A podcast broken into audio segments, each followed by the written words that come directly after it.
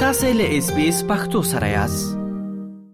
پاکستان د نړۍ په هغه هیوادونو کې شمار دی چې په ډیر شمیر کې ځوانان په ناقانونه توګه باندې د پرمختللي هیوادونو مخه کوي بیا په ډیر شمیر کې ځوانان په دغه هڅو کې د مرګ خولې ته ولاړ شي د پیښور 15 کلن بلال څه موده وړاندې سره د نورو دریو ملګرو د پېښور نه د کویټې، ایران او بیا د ترکیې د لارې اروپا ته د تلو پرېکړه وکړه، خو دوی ته دغه نه وه معلومه چې دغه سفر څومره مشکل دی. د دوی پر وینا چې ایجنټ ورته ویلي وو چې د دوی ټول سفر به بې خطره وي او په ګاډو کې وي، خو د دوی پر وینا باندې چې دغسې نه وه. دوی د ایس بي ایس راډیو سره د خپل سفر په اړه باندې معلومات څه په دې ډول شریک کړل. د ګاډو کې مونږ سفر وکړل شیراز سټي نه تهران ته د دوران کې مونږ سره ډرایور ونو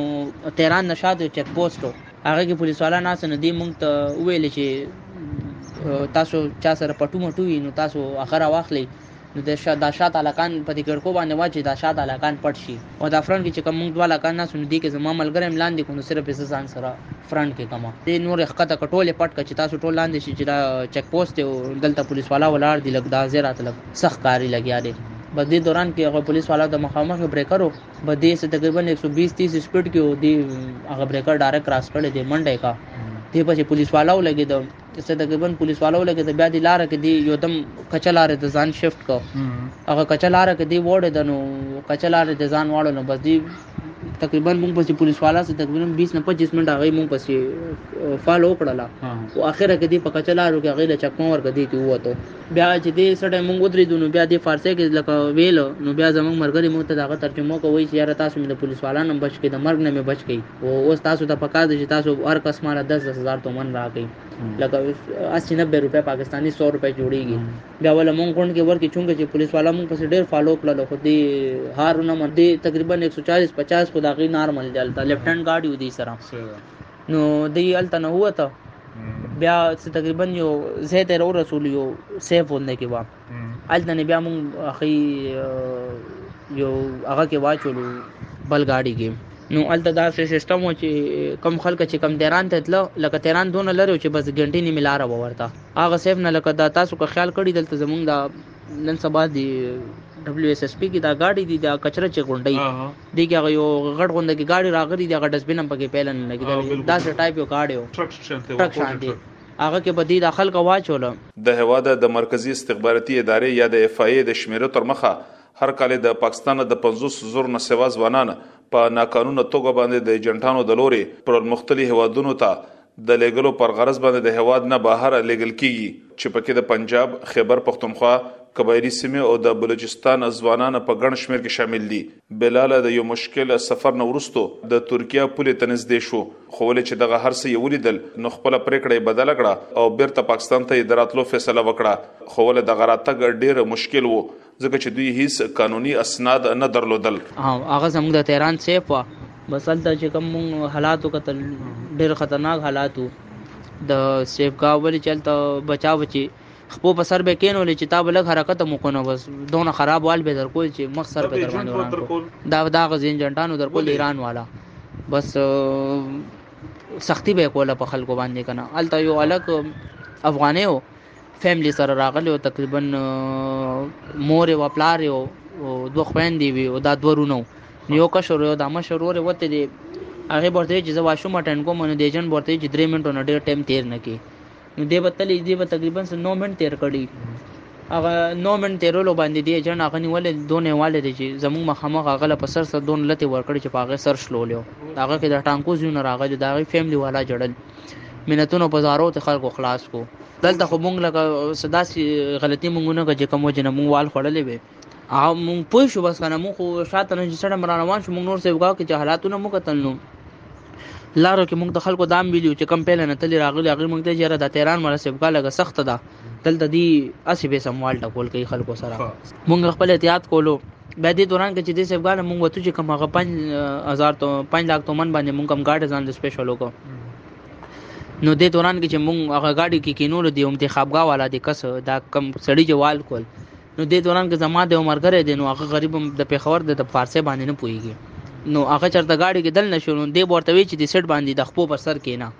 نو دی غادي په فارسی نه پوهېده نو دی به کله یو رنګ کې ناستو کله په بل رنګ کې ناستو نو چې ګاډي کې ولې درې لتې ورکې کنو نو دغه د خولې نو د پوز نه وینې را روانې شوې زمونږ د مرګر چې درې لتې ووالو چې ګوټ ته وردل نه غورتي داسې کې داسې به کېنې فارسی کې ورته وایي نو چې هلته زه کېنولو مونږ به بیا بیا ملته هم زړېږی کې واچولم هغوی خو هغه لاره زمونږ څخه بنس دوه تین ګنټو لاره وه بیا دې کې او دا د مستر بین کې کوم هغه گاډ نه دی دا سه ټایپ یو گاډ نو مونږ دوه کسان ملګری په ډیګه کې واچو هغه سفر زموږ تقریبا د 7 غنټې و د تهران نه تهران نه 7 غنټو لار وا د ایران د ترکی بارډر طرف ته او ترکی بارډر طرف ته دی چې سټه مونږ د تهران د سیفګانو وتلو چې کوم سپیشل گاډ مونږ کو دی مونږ یو خپګاته بوتللو هغه خپګا کې دی مونږ باندې شپه وګړله لکه اوپن چار دیواری او اوپن ځای او بس کانو د پاسه مونږ شپې کانو د پاسه خو تقریبا ما سو نه کله سو شپې کړې دي لکه کانو د پاسه به مونږ د کیدو الته بس دا فارم غونډه کیو بس په بل ورځ باندې دا د یونان کم دواله کانو دا او مونږ دا پنځه لکان دی د د پاره زمونږ د پاره گاډه راو داسې مستر بین ټایپ باندې کې گاډه خو ډرایور ډیر خو هلته نه مونږ اړې کې کینو نو هلته به زو ما سره بل لګ ډیګه کې واچولو مونږه مونږ چلته ډیګه کې واچولو چې دا غړي کې ډیره کولا و نو زه پاغه خوشاله وم په چې سټه ماغه په روډ باندې شونه دا غي دا کم د فیول دا کم ټینکې دا هغه زمونږ لاندې و نو هغه لیک و دا غنه په پټرول راوتل نو بس زما املا او زما د خپل دی هغه پټرول به چې لګېدل نو کلو پټرول به یې کېدل نو دی به سوځی کولو بس هلته چې زه ورسېدم بیا چې ما څه ټایم کپړې چینج کړې نو زما ټول جسم لکه داسې سوځېدلی غونډه کې و تک سور شوی و دا پټرول د وجې نه دغه حالاتو به بیا دې ځای کې مونږ فیصله وکړه چې یاره مونږ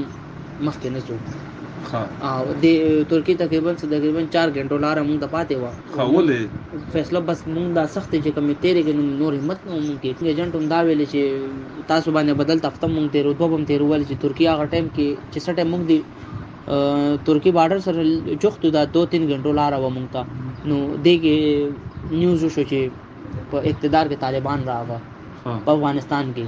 چې اقتدار کې طالبان راغله ترکیه سره بارډر بند هغه دیوال خو جوړو بلال اوس د خپل رونو سره هم په تیر روزګار کې یو ځای کار کوي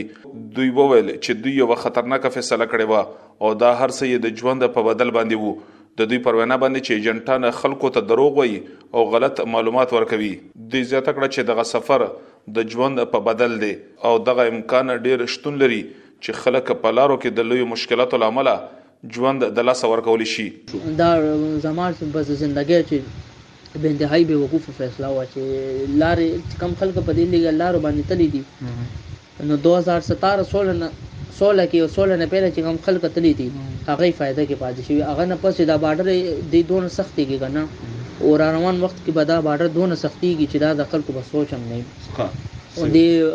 ایران او د مشکل غرب په مینځ کی دی غرب په مینځ کی مونږ مونږ خپل سترګو سره کتلی چی مونږ نه مخکی ګروپ کو شوی دی په هغه باندی ډزی شوی دی هغه کی بیس پچیس کسان لګیدلی دی زخمیان شوی دی اتنه پکی مړه شوی هم دی. چا اوچت کړي هم نه دي، هغوی به اوچتوي هم نه. دې لاره کې موږ انساني لاسونه، انساني اضحا لکه سترګې او داسې څیزونه دا موږ ډېر کتلي دي په هغه لاره کې. چونکې دې غر کې مړی هم شوی و، اوبو د لاسه یو هلک مړ شوی و دوه نیم درې ورځو نه، هغه هم دوی په کاڼو کې ښخ کړی و. بس چې مړ شوی هم هلته نو چې سکر ور هم درسره وي نو. هغه نه تاسو مخکې بوځي نه شاته بس ابه تر نه ځي بيا. ځنې ځوانان اوس نه سوچ کوي چې نه مونږ لاړ شو يا ډېر خلک روان دي يا خبرې کوي. دا غلطه کوي دا ايجنډان خلکو ته ډېر ښه ښه هغه درته ښيي خوبونه درته وښيي ډېر درله وښيي چې مونږ به دا کوو مونږ به هغه کوو خو دوی د کوم د پېښور دا ايجنډان دي د پاکستان چې د دوی دا کسان چې ايران ته انډر شي کنه دوی هيڅ هم نه شي کولی د دوی زره برابر هم نه چليږي هلته. په پاکستان کې د انساني قاچاق د مخنيوي لپاره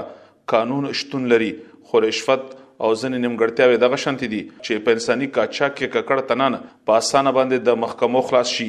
او خپل روزګار له دوام ورکوي د مرکزی استخباراتي ادارې یو جګپړي چارواکي اس بي اس رادیو ته وویل چې په هواد کې هر کال د زرونو پښمیر د هغه ایجنټانو پر ضد باندې مقدمه درج کول شي چې په انساني قاچاق کې ککړ دي خو ولې چې کله محکمې ته وړاندې شي نو د بعضې نیمګړتیاو له امله دغه خلک بیرته خوشې کړي شي او دغه شان دوی خپل روزګار له دوام ورکړي د ادارې چارواکي زیاته کړه چې په انساني قاچاق کې لویه پیسه کارول کیږي او دا یو لوی غیر قانوني دنده ده دوی زیاته کړه چې د مخنیوي پر غرض باندې په پوله باندې د دوی د ادارې دفترونه شتون لري او په دغه عمل یا په دغه پروسه باندې نظر ساتل کیږي خو د هغې باوجود بیا هم ایجنټان هغه ناقانونه لارې چې د امنیتي ځواکونو پوستې پر شتون نه لري، د تګ راتګ لپاره دغه لارې کاروي. دوی زیاته کړه چې د وروسته پاتو هېوادونو نه واخله تر پرلمختلي هېوادونو پورې د دغو ایجنټانو یو نیټورک شتون لري او دوی د یو بل سره په تماس کې وي چې دغه شان دوی د یو هېواد نه بل هېواد کې هغه تنانه یو بل ته سپاري چې په ناقانونه توګه باندې د یو هېواد د پولې نه